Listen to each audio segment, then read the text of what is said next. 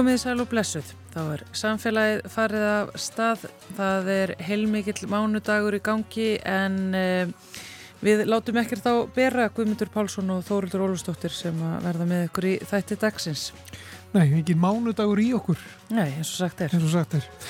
Litlum rafknúnum farartækjum hefur fjölgað mikið undan farið og þar eru rafhlaupahjólinn kannski mest áberandi hér á höfuborgarsvæðina minnstakosti og nú á breyta umferðarlögum meðal annars þeim hluta sem snýrað slíkum farartækjum og öðrum svipuðum smáfarartækjum eins og þau eru kvölluð. Við tölum við lögfræðin kjá innviðaráðnitun og eftir, hann satt í starfsópi um smáfarartæki en niðurstur þess hóps voru hafðar til hliðsjónar við gerð frumvarps um breytingar á umferðarlögum sem núna er til umsagnar í samráðskáttinni. Við ræðum svo við Freystein Sigmundsson, jarðaðilisfræðing. Þetta er sem sagt maðurum með GPS-tækin og sem er alltaf í svo fallegum lópapeisum. Hann var nýverið eh, valinn heiðursfélagi hjá sambandi bandarískra jarðvísindamanna fyrir rannsóknir og framlagsitt á sviði jarðaðilisfræðinar. Hann leggur svo eftir því að skilja hvað jörðin er að segja okkur og skrifaði grein nýverið þar sem hann er að tólka á samt félögum sínum hvað jörðin sagði áður hún gaus við Fagradalsfjall. Svo er málfarsmínúta á sínum stað og neytendaspjalli í lok þáttar en í því ætlum við að skoða hvaða áhrif sífæld hernartólar notkun hefur á herna hilsu. Ekki góð það, getur við sagt allagana hér strax, missið ekki af því í lok þáttar. Og við með okkar hirnatól á eirunum eins og, eins og alltaf. að lækka í mínum. En við byrjum á smáfarartækjum.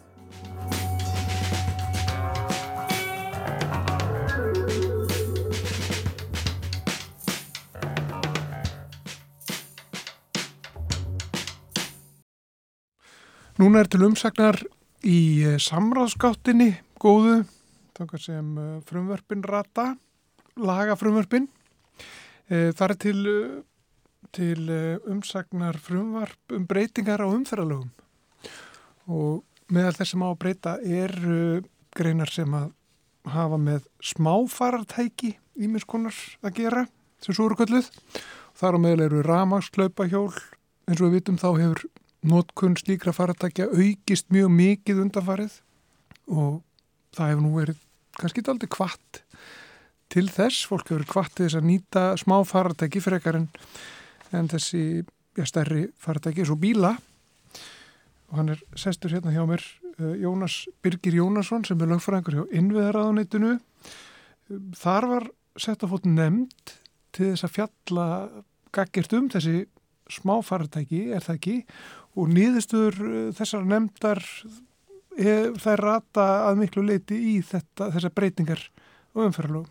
Akkurat, það var sem sagt innvegar á þeirra skipa starfshóp í janúar á þessu ári sem var svona viðbrað við nýjum áskorunum í umferðinni teng, sem tengjast þessum smáfartækjum og hann hluti tillagnana er þess eðlis að þær kalla breytingar á lögum og þær hafa ratað í þetta frumvarp eða þessi frumvarpsdrög sem eru nú til umsagnar í samráðskottinni.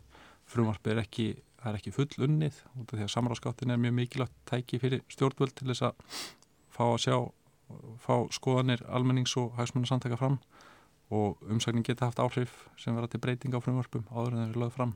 Já, og til þess er einmitt leikur gerður þess og nærða sett í, Akkurat, í samráðsferli. nákvæmlega. Um, ef við byrjum bara á, á þessu, á kannski skilgreiningu á smáfartækjum.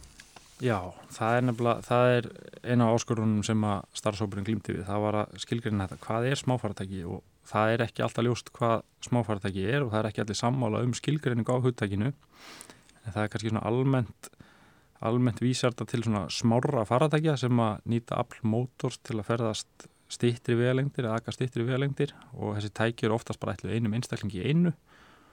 Og svo er svona misjætt hvað hvernig fólk lítur á þessu tæki, hvort þetta er létt bifhjól og reyðhjól fallindur haugtækið.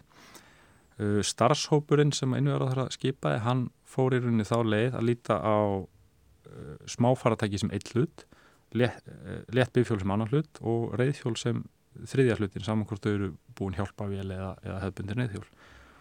Og þetta er meðal annars vegna þess að um gerð og búna þessara tækja þá gilda ólíkar svona Európureglu sem ríkið skuldbundið til einlega Það er ekki neina sama európska reglu sem gilda um þessi smáfaratæki til dæmis, nótkunn þeirra gerði þeirra búnað, eða raflaupahjól og því ég segi raflaupahjól þá á ég runni við öll aflknúin hlaupahjól, þetta er ekki beint bundi við, við orkugjafan sko. Mm -hmm. Þannig að þú væri með þessi, þessi hlaupahjól eða sem eru náttúrulega ekki hlaupahjól heldur bara, stundum við þetta kalla skútur eitthvað slíkt. Ef það er, er eh, bensínmótor á því þá fellur þetta þessi skil. Já, í rauninni. Já, og, hérna, ég man nú eftir að hafa síðsólega stækið því að rúlingur, það var einn ein strákur sem ég var að vinna með, það var með bensínknúi trillitæki og, og það myndi falla hann undir. Já. Af hverju verið að breyðast við núna, það hefur náttúrulega verið þessi mikla fjölkun, svo erum við að sjá líka náttúrulega börn á svona, á svona faratækjum. Akkurát og þetta er í rauninni, það er litið á þessar nýjar áskoranir sem tengjast þessum tækjum og, og hérna ákvæði um, um til dæmis velknúin hlaupahjól hafa samt verið í lögum frá árun 2004 í núna að vera 20 ár bráðum. Og ef maður skoðar lögskýringagögn að baki því ákvæði sem var sett í lög hérna 2004 þá er talað um það að þessi tæki hafi verið að reyðja sér til rúms á síðustu árum þá og hafi verið flutt til landsins í einhverju mæli. En ég menna maður hefur samt ekkert orðið var við þetta fyrir núna og það var ákveðin sprenging hérna fyrir tveimur árum í innflutningi í tækjana og, og, og fyrir þann tíma þá held ég að fáir hafi séð á göttónum en, nú er mikið um þau. Og í rauninni hérna greindi síðan starfsópurinn þrjár svona megin áskoranir sem tengjast þessum tækjum. Þess að þrjár megin áskoranir sem starfsópurinn greindi sem að, sem að tengjast nótkunn rafleipahjóla eru, það er annars er ölfun á tækjunum uh, ungir nótendur og svo aukursæði og hérna neyðamótöka landsbítala hún framkvæmdi greiningu sem að síndi að 40% þeirra sem er 18 ára eldri sem leituð þanga vegna rafleipahjóla slisa árið 2020 voru undir áhrifum það slisi átti sér stað, þetta er náttúrulega gríðalegu fjöldi, gríðalega stort hlutfall.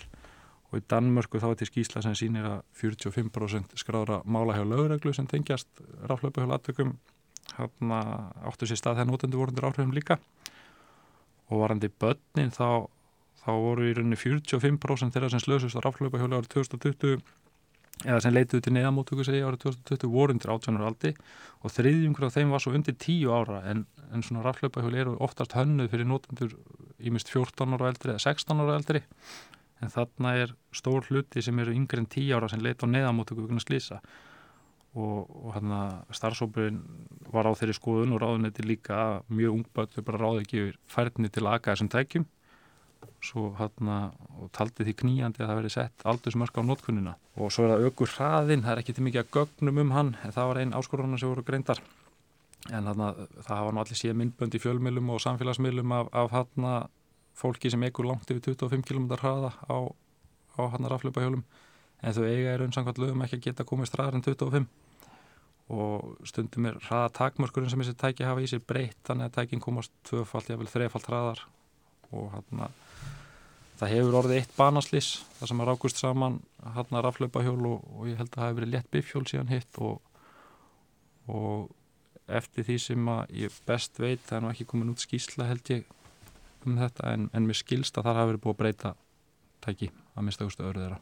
Já, að það er sko, en það eru viðmið er það ekki frá framleiðendum þessar að tækja með til dæmis aldur og einmitt hraðan Jú og, og maður hafði nú kannski svona vonast þess að það þyrti ekki endilega að breyta lögum og setja aldurstakmörk á, á tækin þar sem að það er oftast í leiðbynningu framleiðand að teki fram fyrir hvaða aldurshóp tækin eru framleitt en hann að það virðist ekki döga eins og þessi greining neðamótugunar sínur okkur að, að þá eru bara mikið að börnum undir tíu ára sem er að leta á spítala vegna slisa oh. Og aldurstakmarki verður þá hvert? Hva, hva, hvað, börnin, hvað þurfa börn að vera orðin gummul til að mega nota til dæmis ramarsleipahjól? Sko starfshópurinn lagða til aldursmörkin verið 13 ár Já. sem er það sama og, og með létt bifjól í flóki 1 sem er þess að minni vespur sem komast á 25 km hraða og hjálmaskylda miðist við 15 ár sem sagt allir yngri 16 verðan á hjálm sem er sama á þekkist með reyði hjól Já, þannig að það, er, það væri þá bara fært í lög að, að öll börn undir 13 ára meiga ekki nota, börn undir 13 ára meiga ekki nota þessi rafleipahjól Akkurat Já. og svo er náttúrulega það hafa komið vangaveltur hvað með kraft minnitækin sem er kannski hönnuð laga á minnirhraða heldur en 25 og það er í rauninni, það rata ekki til starfsópsins að gera eitthvað greina minn hann á en, en það er spennand að sjá hvort það komi kannski eitthvað inn í samráðskáttina Já, einmitt. Um, það, Þið leggir til að þarna, þetta verði nýrflokkur aukutækjar sem er þessi smáfaratæki Já Eru þið með því að um, gera ráð fyrir fleiri tegundum sem geta dúkað upp. Það er náttúrulega, við höfum séð sko bara það sem er kallað einhjól sem eru ráknúin, þannig að það er ímislegt, það eru líka til bara hjólabretti sem eru, sem eru ráknúin. Akkurat, akkurat þessi svifbretti eins og eru stundu kalluð.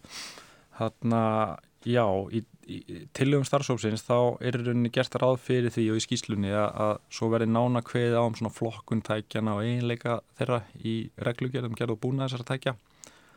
Og í frumvarpinu miða við það að skilgreiningan og smáfartæki verði nokkuð svipuð og þessi og einn undirflokkur reyðhjóla er í dag sem sagt að þetta séu séu hérna lítil velknúin aukutæki hannu frá Akstri frá 6 upp í 25 km hraða á klukkustund ekki létt bifjól og meðal annars falli þar undir velknúin hlaupahjól og, og, og önnu tæki mm -hmm. þannig að það er gert ráð fyrir að þetta verði nána skilgrend í reglugjörð og, og starfsópunum vildi ekki loka á einmitt jáfnvel einhverja nýjungar sem getur komið fram þurft að vera hægt að breyðast við því þá að mann setja að reglur um gerða búin að vera. Hvar má fólk akka þessum smáfæratækjum? Það er stundum svona daldið uh, þröngt á þingi þegar hérna, fólk flikist út á göngustígana til dæmi sem eru á sumum hlutum líka hjólastígar sko, og, og svo framvegst þá er fólk að skokka og einhver að lappa með hundi sinn og einhver að ramaslipa hjólu og svo er einhver á, á, á rafmaks reyðhjóli og svo er enn einn á, á hraðskreiðu bara reyðhjóli. Já, já, fólk á hestum jáfnvel. Já, já ná, nákvæmlega, það er sumstaðar mér. Já, nei sko í dag er að þannig að á, á þessum velknúnu hlaupahjólum, eða hlaupahjólum, þá hann að gilda sömu reglur um hefbundi reyðhjól að mestu leiti, það sem þetta fættir í flokk reyðhjóla, en þó má ekki aga þeim á agbröðum, það sem að bílarnir keira og, og móturhjólinn og, og, og þau tæki. Þannig í dag á að akka þess að gangstíð, gungustíg eða hjólastíg en starfsópurinn lagði til meðal anslega greiða fyrir götu þessar tækja það, það liti mjög jákvæða með augum á þessu tæki ef það eru notur rétt þá verði heimilt að akka ef maður akbröðum þar sem að hámarsræði er ekki hærið en 30 km á klukkustund sem á til dæmis við fjöldagatna í miðbænum miðbæ Reykjavíkur. En þar er, eru þessi tæki mjög mikið notuð í miðbæ Reykjavíkur og starfsópurinn taldi samt ekki fórsvaralegt að hleypa þeim alveg út í almenna umferð þar sem að hámarsvæðin er herri, þar sem að fólk er minna sínilegt á þessum tækjum heldur og reyðhjólum, móturhjólum og náttúrulega bílum en, en já, þannig að ef, ef að þetta frumvarp verður að lögum í þessari mynd, þá verður fólki heimilt að aga þessu á, á gödunum þar sem er ekki herri hámarsvæðin 30 km á klukkustund. Já, en annars er þetta sömur stígarnir hjólastígar og, og, og gungustígar Já, og gangstittir Hvernig er með eins og, eins og reyðvegi? Er það alveg skýrt? Hver má vera þar? Sko það hefur ekki öllum þótt það vera alveg nægilega skýrt en hann að sem sagt frumvarpið sem að sem að núna líkur í samlagskráttinni ef frumvarströgin þau gerir ráð fyrir því að, að það verður sérstaklega, svona, það verður ekki breyting á skilgrunningun á, á þeim þannig að það verður sérstaklega tiltekið að þarna megi gangandi vegfærindur ganga á reyðstífunum og svo reyðmenn ríða á hestum en aðrir eigi ekki að vera þarna fólk, bifjóla fólk og, og annað. Það er líka talað um fræðslu, er það ekki ykkar tilhugum? Fræðslu til þá uh, batna uh, í skólum? Akkurat og hann að það var eina tilhugum starfsópsins sem að starfsópurinn kom nú ekki með tilhugun að því var að reyðst í hana en hann kom með tilhug sem var að færðni ungmanna umferð og hún snýra því að í umferðarlegum segir í dag að umferðarfræðsla eigi að fara fram í leikskólum, grunnskólum og framhalskólum og að, að hafna ráð þeirra sem fyrir með fræðslumál ákveði nánar tilhugun fræðslunar í aðalnámskrá. Og starfsópurinn læði í rauninni til að, að ráð þeirra samgöngumála beiti sér fyrir því að umferðarfræðslan verði hluti af aðalnámskrá. Og hafna lög segja hún eigi að vera en hún er það ekki. Og starfsópurinn taldi mikilvægt að, að umferðarfræðsla verði tryggð á öllum skólastöðum Þannig að hún á að vera það En er það ekki? Hún er að minnst okkurst ekki aðalnámskrá og, og, og það er svona misjátt, misjátt hversu miklu umferðarfræðslu börn og ungmenni fá. Já. og meðal annars með þessi nýju fartæki í huga þá taldi starfsópunum bara mikilvægt að, börn, unglingar og ungmenni fái fræðslu í þessum málum. Mm -hmm. þannig að þetta var eina tillögunum. Þessar tillögu sem starfsópunum kom með og þær, það snýraði að þetta verið nýr flokkur aukutækja aðskilin frá reyðhjólum það verið sett svona hlutlæg við með varandi ölfun þessara aukumanna hvenar er nákvæmlega hversu mikið vínandamagn má vera í blóði áður en að en það eru orðið refsivert og þeir eru refsað fyrir að aka á tækinu. Svo eru aldursmörkin og hjálmaskildan uh, bann við því að breyta hámásræða á þessum tækjum og letum bifhjólum og, og rámasræðhjólum uh, fræðslu tillagan sem snýra umferðarfræðslunni og svo það að heimila aksturinn á, á göttum það sem er, er ekki herri hámásræði en 30 km klukkustund. Og svo tillaga var í rauninni bundið því skilir að, að það er fallist á tilluguna varandi ölfun og, og hérna aldursmörk. Já, og rétt aðeins að ölfun sko, því það, það tala mikið um þetta fólk, fólk notar þessi tæki mikið í miðbænum þar Já. sem að skemmtana haldir náttúrulega allar helgar og, og kannski oftar í vikunni en það. Já, já, e, og fólk hefur verið að leita á, á bráðamóttöku vegna slísa sem að það verið fyrir á þessum tækjum þegar það er ölvað. Akkurat. Hvernig er með og ykkar tilur, er þær þá er það, er það öðruvísi viðmið heldur en við akstur annar aukutækja? Sko nei, það er í rauninni lagt til að, að það verði í dag er refsivert að aga undir áhrifum eða þú ert ekki færum að stjórna reyðhjóli eða hesti öruglega en það er engin svona hlutleg mörg eða viðmið. Starfsópurinn laði til meðal annars til þess að auðvelda störfulega öruglega við að hafa eftirlit með þessu að það verði miða við 0,5 prómil í blóði aukumanna eða 25 milligram vínanda í, út, í lítra útöndunarlofts sem er þá sambærilegt og á, á bifriðum og, og hérna, móturhjólum og starfsóminn laði líka til að sektirna verði hækkar eitthvað í dag líkur minni með 30 skruna sekt við að, hjóla fullur eða hjólundir áhrifum. Þegar þú getur ekki stýrt tæki örugla en já, starfsóminn laði til að sektirna verði hækkar í forvarnaskinni og, og svona það er að miða við að reyna kannski að ljúka málunum á staðinu með greiðslu sektar fyrir að handtaka aukumenn að það er svona reyna að komast hjá því ef hægt er já, og hann það er náttúrulega já það er, það er íþingjandi bæði fyrir lögreglu og, og borgarna sem lendir í þessu ef það var að þurfa að handtaka fólk og færa til blóðrannsóknar þegar að kannski væri hægt að mæla þetta í útöndunarlúfti mm og klára málið á stanum. Já, akkurat Já. Og þe þetta, er, þetta er hluti, þessa breytingar eru hluti af meir, fleiri breytingur sem eru fyrirhugaðar á umferðalögum. Já, Þa- það, þa- þetta er bara smá, smá kapli í, í, í þeim breytingum ekki sett. já sagt, það er hluti Það sem snýra smáfartækjum. Akkurat, það er, sagt, það er hluti þessar breytingar snýra smáfæratækjunum og tilögum starfsópsins uh, og svo er annar, svo eru að, ýmsar aðra breytingar eins og varandi reyðstígana og hann það er verið að leggja til breytingar sem að sem að greiða fyrir innleðingu Evrópureglugjara sem að, sem að þarnast styrkari lagastóðar í íslenskum lögum og, og svona ýmsar aðra breytingar sem er hægt að kynna sér í, í samráðskáttinni Já. og varðandi hérna ölfuna mörkin þá er kannski líka rétt að geta þess að Danir hafa breytt sínum eh, sagt, reglum og sett sérstakar reglur um svona smáfartæki á raflöpahjól og þeir miðið mitt við 0,5 prómil í blóði, blóði ökumanns sem er sambarilegt við hér. Og þeir hafa sett á, á hjálmaskildu almenna á alla notendur og háar sektir sem liggja við því að ferðast um á raflöpahjóli með án þess að hafa hjálm en, hana, en þetta er svona ólíkt milli ríkja það er ekkit samræmt Evrópuregluverk sem að gildir um mittirunni ríkina vera að fara í svolítið ólíkar áttir Ef að fólk vil kynna sér þetta, Já. þá getur það gert það eða ekki. Getur hver sem er gert uh, komið með, með tilugur í samráðskáttinni? hver sem er getur sendt inn, inn hana, umsögn eða tillögur og, og hana, það er farið yfir allt síðan í ráðanettinu og, og meti hvort að sé hvort að umsögn gefi tilefni til að breyta frumvarpinu áður en það verið lagt fram áður en ráðhæra mæli fyrir nýra þingi þannig að fólk getur átt áhrif með því að senda inn umsögnir í samráðskáttina og, og ég til að skilin umsögn sem hafa skoðun á málinu og saman hvort að fólki líst vel á tillögurnar eða til þau þurfa að gera breytingar það er líka gaglegt að fá, fá sem sagt bara blessun fólks ábendingar um að, um að, þarna, þetta, að þarna sé, sé ráðaniti á réttri leið eða ráð þeirra Já. og sama ef að fólki finnst þurfa að breyta ykkur eða bæta þá endilega líka sendin umsögnum það Um þetta. Uh, Jónas Birgir Jónasson, uh, lögfræðingur hjá innviðaráðunitinu. Takk fyrir þetta. Takk fyrir að leiða okkur í allan sannleikanum um fyrirhugar breytingar á lögum um smáfaratæki. Já, takk hjálpa fyrir að hlusta á mig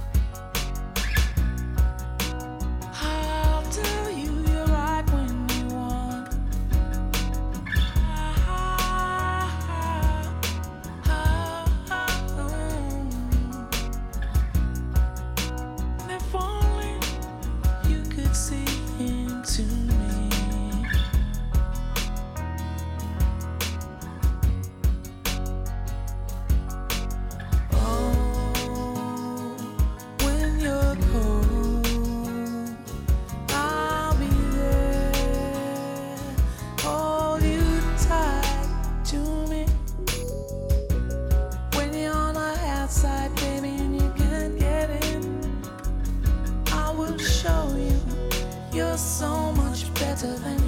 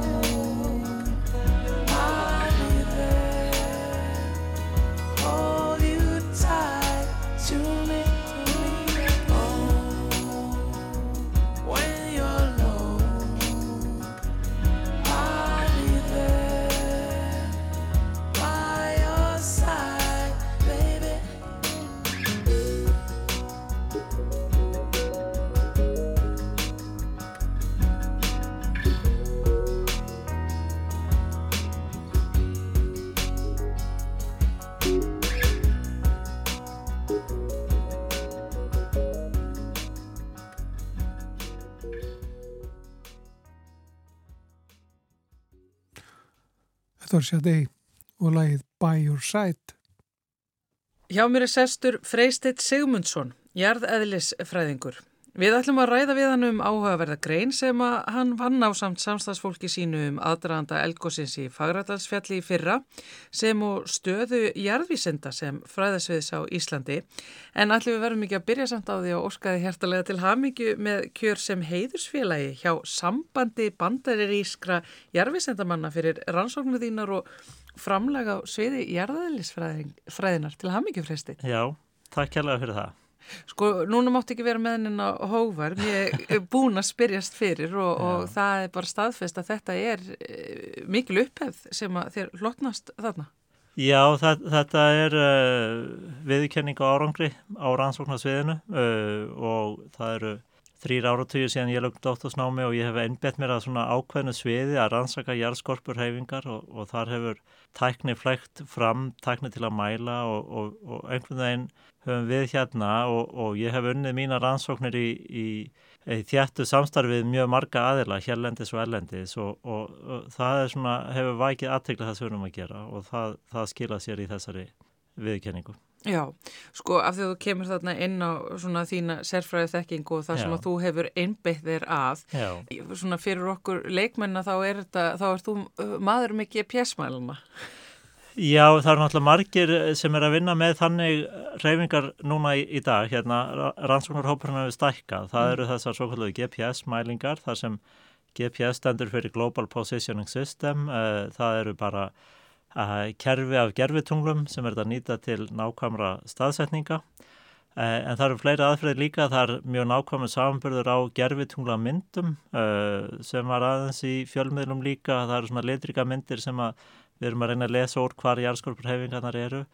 Og, og ég hef kannski komið meira að svona bara samþætting og tólku núna síðustu árin að, að tengja aðila saman hópar við Háskóla Íslands, við Veðustofu Íslands og, og erlendi samstagsaðilar við vinnum þetta í sammenningu og, og já, myndin er að verða skýrari sem Já. við höfum af þessum jarðskorpur hefingum en bara aðeins til að rifja upp hvað þetta er stórt sko flekarhefingarnar hérna á Íslandi að því að við erum á, á, á flekaskilum og flekar að færast frá hver öðrum. Þar hefingar eru álíka hraðar og, og neglutnar á höndunum okkur vaksa. Það eru sem mjög hægar. Uh, það fjallaðan á milli Austurlands og Vesturlands og Íslandi hún lengist um, um svona 18-19 mm ári og það er yfirleitt verið að reyna svona mæla mjög litla hreyfingar en stundum verða stórar þegar eldgóðsum verða eða kvikugangar að myndast eða jarðskjáltar. Já, sko þú segir um þetta að þessi, þetta fræðasvið sé að stækka Já. uh, hérna, jarðvísitin eru náttúrulega til að byrja með uh, rosalega stór og mikil fræðagrein þannig Já. að það er hægt að fara í alveg alls konar eh, smá ánga hennar Já. og fræða sig sérstaklega þar eins og þú gerir en þetta fræðasvið að stækka, er það þá að því að við erum að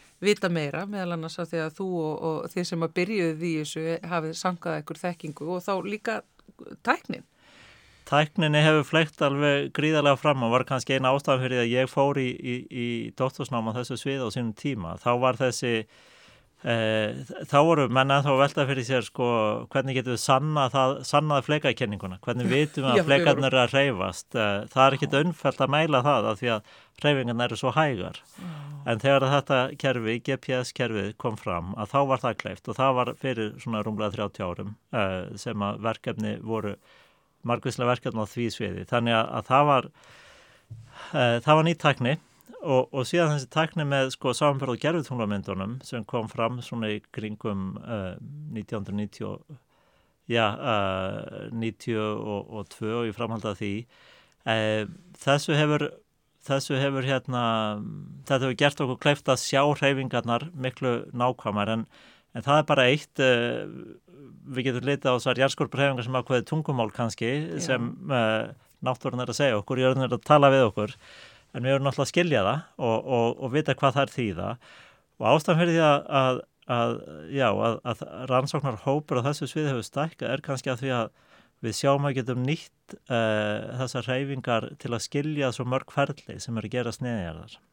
Þannig að, nýtingin er að koma betur fram. Við erum að mæla þetta flekareg, við erum að mæla hvernig landið okkar er að rýsa vegna þess að jöklar er að bráðna, við erum að mæta, mæla afleðingu af ferlum í jarðhættakerfum og vinslu á jarðhættasvæðum og síðan er eldvirknin þar sem að kannski ég hef verið að vinna mest uh, síðust árin að, að þessar reyfingar fyrir eldgós, hvað gerist fyrir eldgós í eldfjöldum og getum við komið betri líkon til að segja til um hvað gerist. Þetta er fallegt eins og orðað þetta, það að, hafa eitt starfsæfinni í að reyna að skilja betur tungumál jarðarinnar. Eh, Þannig að þú ert farin að skilja betur hvað jörðin er að segja okkur og eins og til dæmis í tilfellinu með gósið við faraldarsfjall og, og Já. greinin sem að hérna, þú og félagðinur unnu. Já. Þar eru þið að, að skoða nákvæmlega þetta. Hvað sagði jörðin áður Já. en gaus?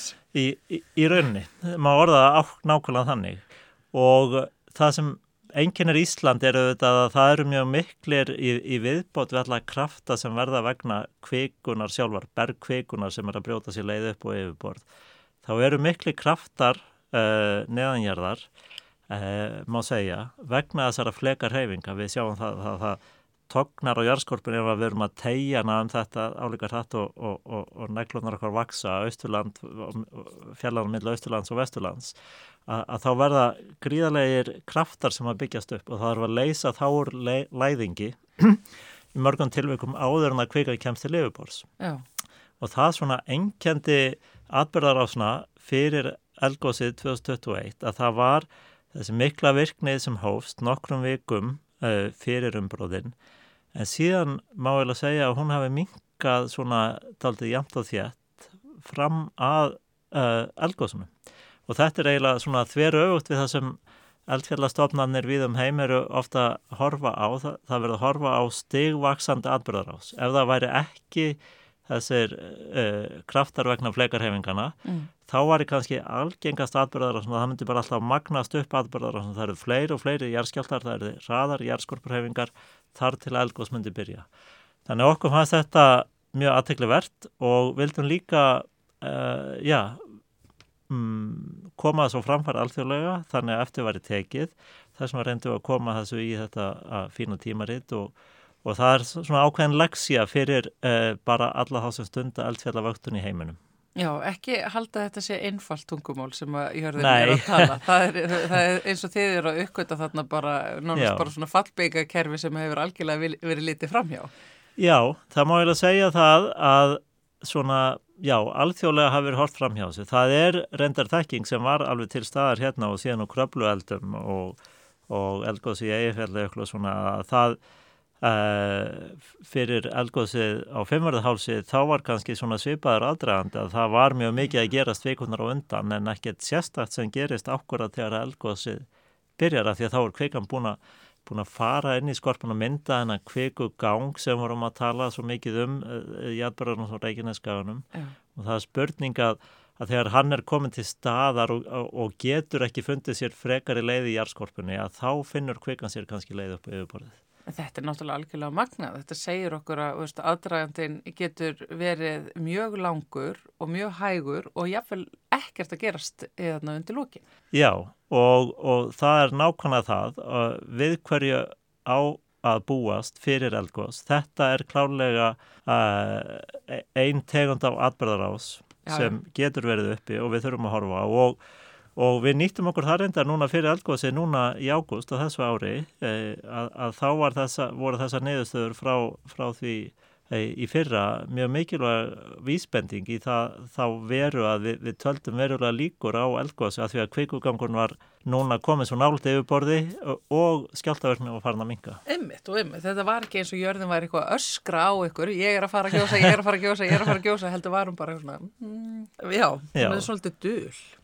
Hún er mjög dul og vandamálið er að, að, að, að, að vita hvaða atbyrðarás verður fyrir valinu. Það eru margar sviðsmyndi mögulegar og reyna að meta hvað er líklegast atbyrðarásin. Og þarna getur við mikil framþróun með á næstu árum og áratugum með samanbörði á milli eldvirkra svæða í heiminum. Þannig að við höfum lært mjög mikið hérna á Íslandi og, og kannski ástæðan fyrir því að, að það er verið að horfa til Íslands er að, að við höfum tiltölulega tíð eldgóð sem valda svona þokkalega miklum jarðskorpurhefingum. Þannig að það er að mæla þær, það er að hlusta á þetta tungumál. Kannski sérstaklega vel hérna á Íslandi. Sem einmitt eh, færi mig svolítið að fræða sviðinu hér á Íslandi Já. og, stöðu háskólans eh, Já. sem náttúrulega með bæði jarðvísitastofnun í samstæðu Já. þau og jarðvísitadeildina. Já. Eru við þá í fremstu röð? Já, það verða kannski aðra að segja um en, en það er tekið heilmikið eftir því sem er að gerast í jarðvísnum hérna á Íslandi og við höfum búið við það líka því að við höfum haft uh, raunvísindastofnun háskólans uh, og við höfum haft uh, norrænt eldfjallasetur þar sem hefur komið stöðningur frá, frá Norðurlöndum. Þetta hefur gert að, að verkum að það hefur verið hægt að stunda öfluga rannsóknir og nú er ég bara að tala um jarðvísindi sem þetta í, á- í jarðvísindum. Þannig að það er ekki bara kennslan á háskólastíðinu við Háskóla Íslands, heldur eru það rannsóknir. Og þær hafa skilað miklu, það eru mörgum sviðum, það eru mörgum fleiri svi- sviðum, við getum talið upp mörg svið, það verður að horfa á uh, jarðarnafræðinni, bindingu kólefnis, uh, Carbfix verkefni, Þa, það er hort á það, það er hort á jöklabreitingarnar, það er hort á jökla jarðfræði, uh, aftur í tíman, hvernig lofslag hefur breyst og það var hægt að halda áfram. Það er á mörgum sviðum þar sem er tekið eftir jarðvistaransóknum á Íslandi. Það þýðir líka að framhalsnám hérna jarðvísindum, uh, jarðælisfræði og jarðfræði við Háskóla Ísland stendur mjög uh, sterkum fótum. Við höfum náða að byggja það upp uh, þannig að í dag eru sko fleiri nefendur í framhalsnámi og stór hlutið er að kemur ellendis frá meðal annars vegna þessa, þessara sérstöðu sem Ísland hefur og svo vinna sem hefur farið fram hérna. Það nægir ekki bara að hafa landi, við þurfum að gera eitthvað með þess að Já, við þurfum að hafa Já. háskólan líka, sko. Já, akkurat. Og þannig að, já, hvað er það að segja, hefur þá háskólinn náð að fylgja hérna landinu eftir í kjensleifni? Eh, Já, ég held að, að, við getum sagt það en, en uh, það er svo ör þróun í kennsluháttum og, og, og tækni spilar alltaf sífælt uh, svona að, já, það meira vægi sem það við tökum bara til dæmis eldfjallafræði sko fyrir fyrir hálfri öll þá var eldfjallafræði kannski ímyndað með svona eldri mannesku sem gengum og voru að skoða öskulög eða það sem var á yfirborði. En eldfjallafræði uh, í dag er verið að nota gríðarlega flókin tækjabúnað uh, á öllum sviðum eiginlega þar sem við erum að vinna í eldfjallafræði. Tæknilegt Já, nám, það er sko. mjög tæknilegt mjög- Þrývítartæknin til dæmis komin inn í Eh, þetta og það. Já, og, og uh, mjög mikið að gerast þannig að, að, að það er svona fjölbreytt svið og margvíslega tækifæri Já, Já. þegar þú svona horfir yfir, já þá þróun sem hefur orðið innan þín, þín sérfræðisviðs og síðan Já. bara yfir háskólan og hvernig þetta hefur einhvern veginn allt svona blásið út. Ertu, ertu sáttur? Ertu, ertu ánæðið með þetta? Finnst þér vantað eitthvað upp á, veist, hefur einhvern tíma skort stuðning eða skilning eða meðgjöf eða hvað það er allt saman?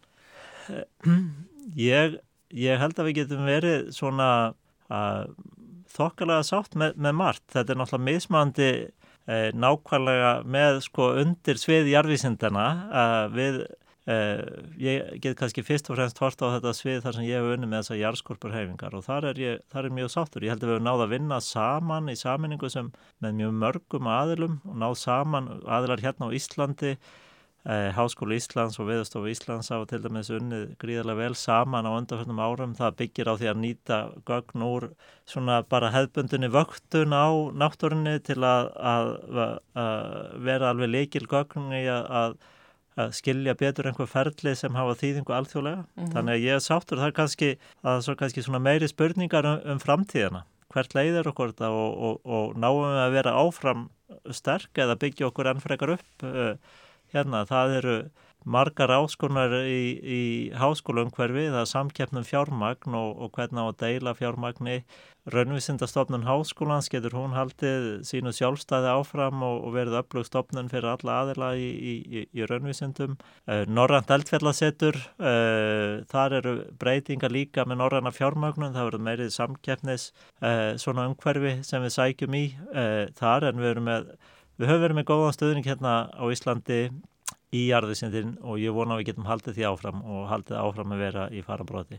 Já, ég tala nú ekki um af því að þetta er alltaf að vera meira svona tæknilegur og tæknilegra nám og, og tækjakostur Já. kostar. Já, já uh, tækjabúnaður er, er uh, mjög dýr sem, sem þarf í margt af þessu. Sömt að þeim búnaði með, sem við erum að vinna með í þessar rannsóknur í jarðskorpurhefingum er, er kostar alþjóðlega, það eru gerfið tungl uh, sem er að skila uh, alveg svona nýri vitt í rannsóknir almennt í jarðvísnum. Við erum bara að skoða á ákveðin sérhæð gerfið tungl sem er að þarf að nota í þessar mæningar og jarðskorpurhefingum. Þar er hugmyndin í rauninni bara einföld sko að, að það kemur gerfið tungl yfir Ísland og tekur myndur á ákveðinu stað og síðan einhvern tíðan setna kemur gerðutungli aftur og tekur myndur nákvæmlega saman stað en, en það sem er skrítið er að við getum með þessum myndum ákvarðar hefingar jarðskorpunar með nánast uh, 5-10 mm nákvæmni. Það er náttúrulega svo stórkastlegt. Já, það er, uh, það var,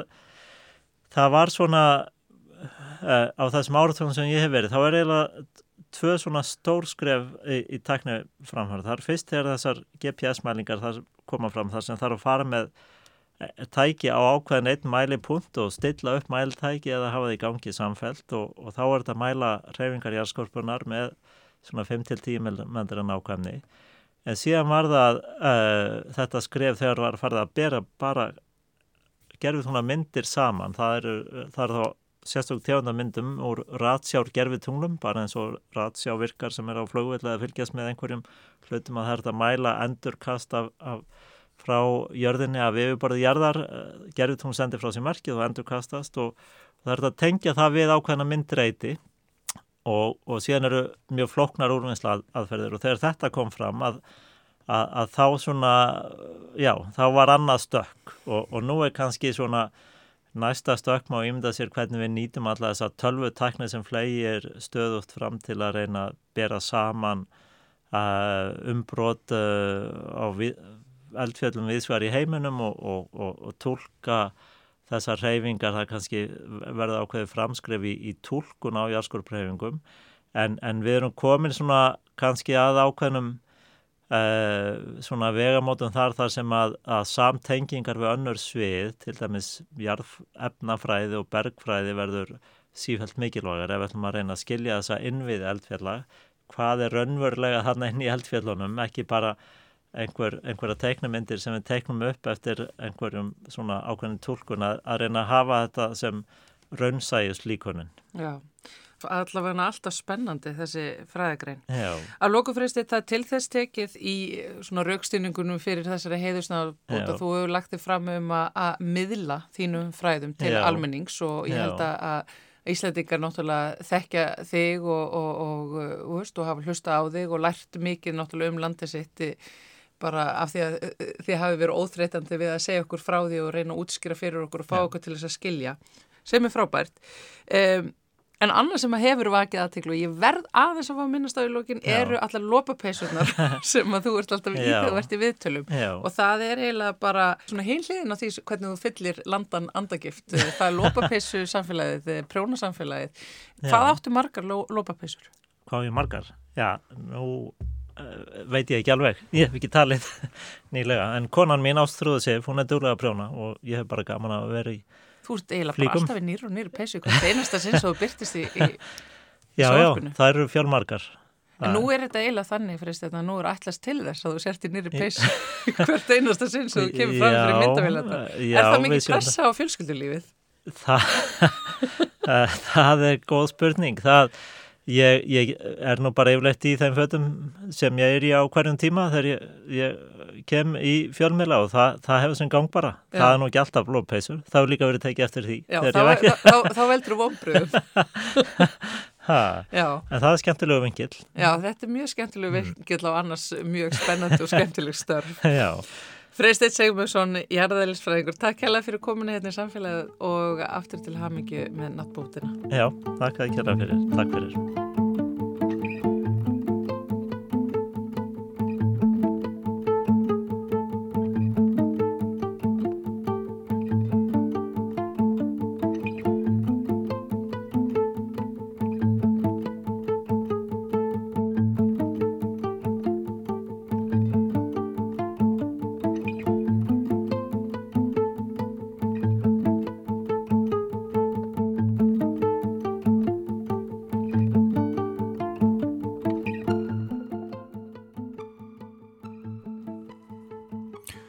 Hér á eftir þá ætlum við að ræða aðeins um uh, neytendamál.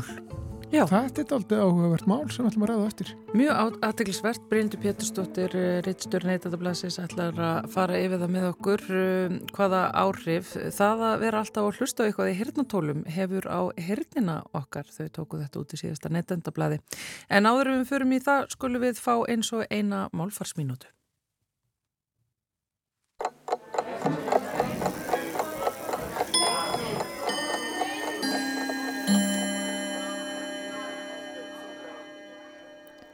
Áhugaverð málþróun hefur orðið í skólakerfinu á síðustu áratugum. Hún hefur ekki farið hátt en byrtist helst í aðalnámskram grunnskóla.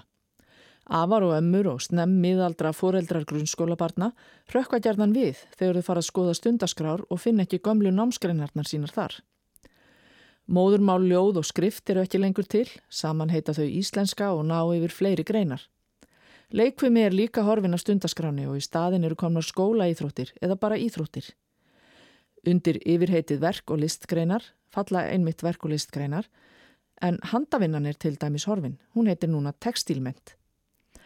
Er þetta góð eða slæm breyting? Góð verði að segja, en getur tekið tíma fyrir foreldra, afa og ömmur að venjast.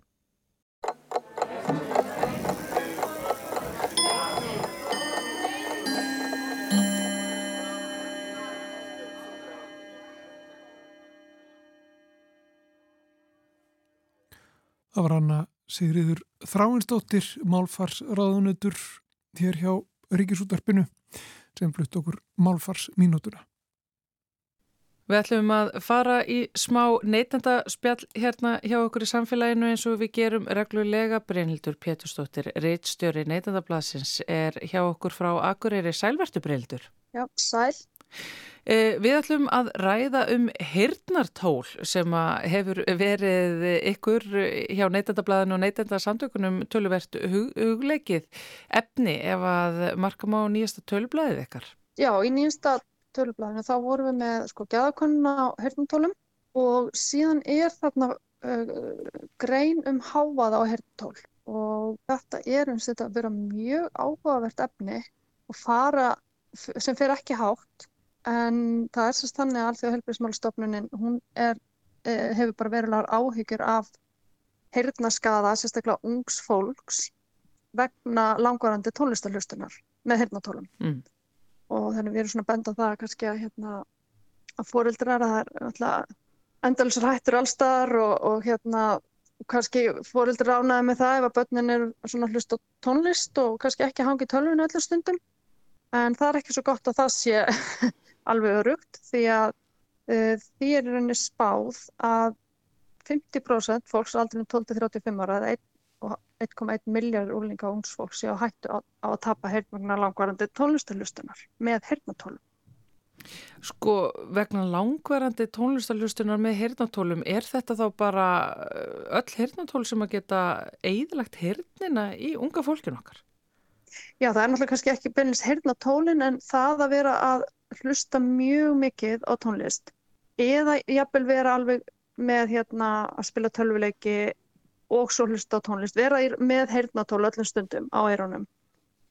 Um, að það uh, getur skadað heyrn vegna þess að þetta er líka eitthvað sem að uh, svona, sé, byggist upp þessi skadi, þetta er ekki eitthvað sem gerist ekki nema þú verðir hérna nema að sé einhver ha- mjög hár kvellur, mjög mikill háaði Mm. þá getur þú skemmt heyrn bara með því einu skjóta rifli ekki með hérna heyrnarhlífar Já. Uh, en ef að þetta er svona langvarandi, alltaf háaði, um, þá, þá skadar það heyrn og það er alveg ligg- liggur fyrir og það er sem er svolítið verið að deila um og við erum að fjalla hérna um meðal annars er, þú veist, hvað er örugt viðmið? Þá ertu að tala um 85 decibel í 8, eða þú ert, uh, fer ekki yfir Já. 8 tíma á dag með 85 decibelum þá, þá sé, sértu til það að vera örugt viðmið en það er ekki endilega svo. Það er hérna viðtal var í New York Times við professor sem var að hjálpa alþjóða heilbjörnsmálstofnunni við í þessum málum. Og hann segir í rauninni að sé alveg óröggrétt að tala um 85 decibel sem örugt viðmið en ástæða fyrir það sé það sé alltaf vera það sé þessi samstaða um 8 tíma á dag, 85 decibel, það sé að þetta sé eina, svona eina fá nótæfum leiðum til að setja reglur um háað og vinnustöðum. Og í rauninni sé erfitt að segja hvað sé hérna örugt í þessum efnum en þeir miða við að ótakmörkur hlustun sé örug fari hljóð ekki yfir 70 decibel. En hvernig getur maður stilt það, segjum sér svo, Oh, maður sé að leiðbyrna ymmit barnið og úlingi með það? Það er ennbla mjög mjög góð spurning. Um, það er bara þá, fólk verður bara hreinlega neina að reyna að mæla þetta til svona mæ, mælar Mm. og svo er það reyndar þannig að það var 2013 þá setti Evrópusambandi reglur um hámark hljóðstyrk á spilurum og snjálfsýmum Já. en það er miðað við að fara ekki yfir 85, það er alltaf þessi tala og þá ertu í rauninni, er fólk vara við og þú veist, þeir eru betta og heyrðu, þú ert að hlusta á ertu vissum að þú viljir hafa þetta svona hátt? Fólk kannast kannski við þetta hafa allt í einn fyrir síminn eitthvað að benda þér á og það er sé einhver meiri háa en eðlilegt Já, þannig að, að þetta er svona aðtilsvert af því að heyrnarskaði hefur mikið til verið bundin við starfstjættir sem vinna í miklum háaða einmitt. og það hefur náðst mikill árangur þar bara með nótkun heyrnarlífa og, og þess áttar og, og þetta er bara í rauninni nýtt, nýtt vandamál. Og sem að er bara há alvarlegt. Og það er hérna í blæðinu viðtalið Kristján Sverrisson fórstjóra heyrnar og talmennustöðar og þannig við erum að spyrja svona hvort að hvernig staðan er hér á landi hjá ungu fólki. Og hann segir að bara skortir sálega rannsóknir. Og þau gruni að ástandi sé bara ekkert frábriðið því sem er erlendis. Og það sem er, já, það sé vegna þessar gengdalösu tónlistarhlustunar. Og, og þetta getur bara, já, valdið óbætilegum heyrnarskaða og eins og hann bendir á þá tekur þetta svo, getur tekið mörg ár að koma fram. Og það er það sem að gerir þetta svo erfitt að þetta sapnast upp og, og þegar þú ert búin að tapa heyrn þá, þá ekkert, þá kemur hún ekki aftur. Nei. þá er skaðin skeður Við skulum einmitt kannski staldra við það því að hlustendahópur okkar hér í þessum þætti er, er svona meðaltali eldri af því að ef þið horfið í kringuðum ykkur og, og sjáuð unga fólki, þau eru eiginlega aldrei ekki með eitthvað í eirunum. Það eru náttúrulega bæði þetta sem að hverfur þarna inn í eirun sem að maður sér ekki þarna airpodsarnir þessi kvítu sem þau stinga inn í og eru bara einhvern veginn inn í hlustinni eða þá bara að það eru einhverju rosa hlemmar. Þú veist, allstaðar það sem að maður fer í, í strætó eða er að ganga úti eða eitthvað, þau, þau eru allavega, þau eru alltaf með þetta, það er alltaf eitthvað á eirunum þeirra og það er Já. þetta, þau eru alltaf með eitthvað í gangi og það hvað þetta er samfelt og viðstöðlust, jafnvel þó þetta sé ekki alltaf háttstilt, það er að hafa svona mikil áhrif. Já, og þessi heyrnatól sem er fara alveg upp í eirun að þá er uh, þá er hérna bandarska líðhelsustofnunin hún telur að það geti valdið svona mögnunar áhrifum og hækki, geti hækka hljóðum alltaf 9 decibel þannig að þau eru þar að leiðandi aðeins verri og í rauninni verða frekar að mæla með að vera með heyrnatól sem að útilokar háaðan sérst umhverfis hljóðin því að þá ertu ekki að hækka uh, tónlistina. Mm. Þannig að hérna, já, þannig að þetta er, þetta er ekkert grín og við uh, sendum fyrirspurn á heilbreyðisráðanætið hvort að hérna, hvort að þau hefðu áhyggjur heilbreyðisauðvöld hér á landi líkt og alþjóða heilbreyðismálstofnun af þessari þróun og hvað, hvernig þau spreðast við því og þá fengust í rauninni bara þau svöra að hérna talmennastöðum færi með málaflokkin og ætti að sinna fræðslu. Um, mér finnst það svona frekar lélegt að ég segja bara alveg eins og er. Um, þetta er alveg það stórt mál að það getur einhver ein hérna, ríkistofnun sem er öruglega með langan byggðlist og er að forgangsræða öruglega í þjónustu, ímyndi ég mér, Mm við sína skjólstæðinga að, að eiga síðan að vekja aðtekla á þessu máli. Þetta er svo miklu stærra en svo. Þannig að þetta fannst mér, þetta voru vonbreiði og, og svona sín, sýnir að, að þessu, þess, þetta sé ekki tekið nóg alvarlega. Þetta máli kannski í, í þess eins og mörg öðru, þannig er það forvartirna sem eru gilda og það er kosta, það eru kostnaðar sem er kannski í dag en það er spara til lengri tíma. Já. En af, eins og þú varst þann að Kristján segir, þá er þetta mögulega eitthvað sem er að gerast núna en verður ekki bitið úr nálinu með það fyrir einhver tíma mann setna. Við erum bara núna að, að, að af því að það skortir fyrirbyggjandi aðgerðir, af því að það skortir reglugerðir, að þá erum við að búa til kynslu sem að verður hirtnaskert að miklu leiti eftir, eftir eh, 10, 20, 30 ár. Já, þetta er bara að marka þessar hérna erlendur rannsóknir og þetta átak sem Alþjóða heilbjörnsmálstofnunin bara fer í til þess að vekja aðtikli á, á þessum vanda að þá er þetta þá er þetta eitthvað sem við ættum að taka verulega alvarlega og þeir mæla með því hjá Alþjóða heilbjörnsmálstofnuninni að, að börn fari séu heyrnamæld og þryggjara frestið minnsta og við erum ekki að gera það hér á Íslandi. Ég er ekkert vissum að sé verið að setja eitthvað fjármagn í það. Nei, Og við erum ekki eins og byrjuð, við erum ekki eins og byrjuð þóreldur að tala um háaða sem streituvald. Háaða í skólum og leikskólum og umferðarniður og bara háaða sem streituvaldur í samfélaginu. Nei, já, það er greinilega bara ekki e, e, mikill gaumur gefin að heyrnar heilsu yfir höfuð á Íslandi. Nei, það, ég held að við getum það sé niðurstaða þessa samtals. Já, og ég heyri það áður Brynhildur að, eftir að í neytandublaðinu fóruð og, og skoðið þessi mál, að þú ert eiginlega bara svona hálf lessa ennþá eftir að hafa unnið þessa grein. Já, þetta átti að vera svona smá móli og endaði svo í þremur blaðsum því að, já, þetta er líka svo merkilegt hvernig sum málugnin fá vægi og aðtigli og umfjöllun og önnur ekki og, og einhvern veginn er hugsanlega af því að þetta er ekki, þetta er ekki bráðavandi og þetta er ekki svona, þetta er ekki lífshættulagt en þetta skerðir auðvitað lífsgæði fólks mjög mikið, heyrnatap og sérstaklega við það sem getur líka gerst þegar að hérna að verða heyrnarskaðið þá getur fólk fengið svona, það kallast tinnitus eða já.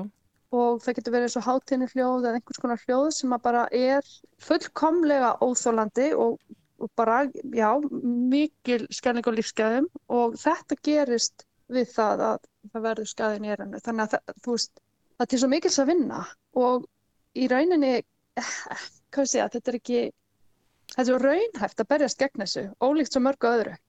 Þetta er bara fræðsla og ég vissum að allir fóreldrar sem að ef þið hafa upplýsingar um þetta að þá gera sitt besta til að reyna að, minga aðeins heyrnatólunótkun og eða bara stilla, þetta, þetta snýst ekki um það að, að fólk get ekki hlustað á podcast og tónlist og annað en bara að háa aðeins sé 75 decibel ekki herri. Já, og heimitt, þá heimitt leiðbyrningar um það hvernig megið stilla það.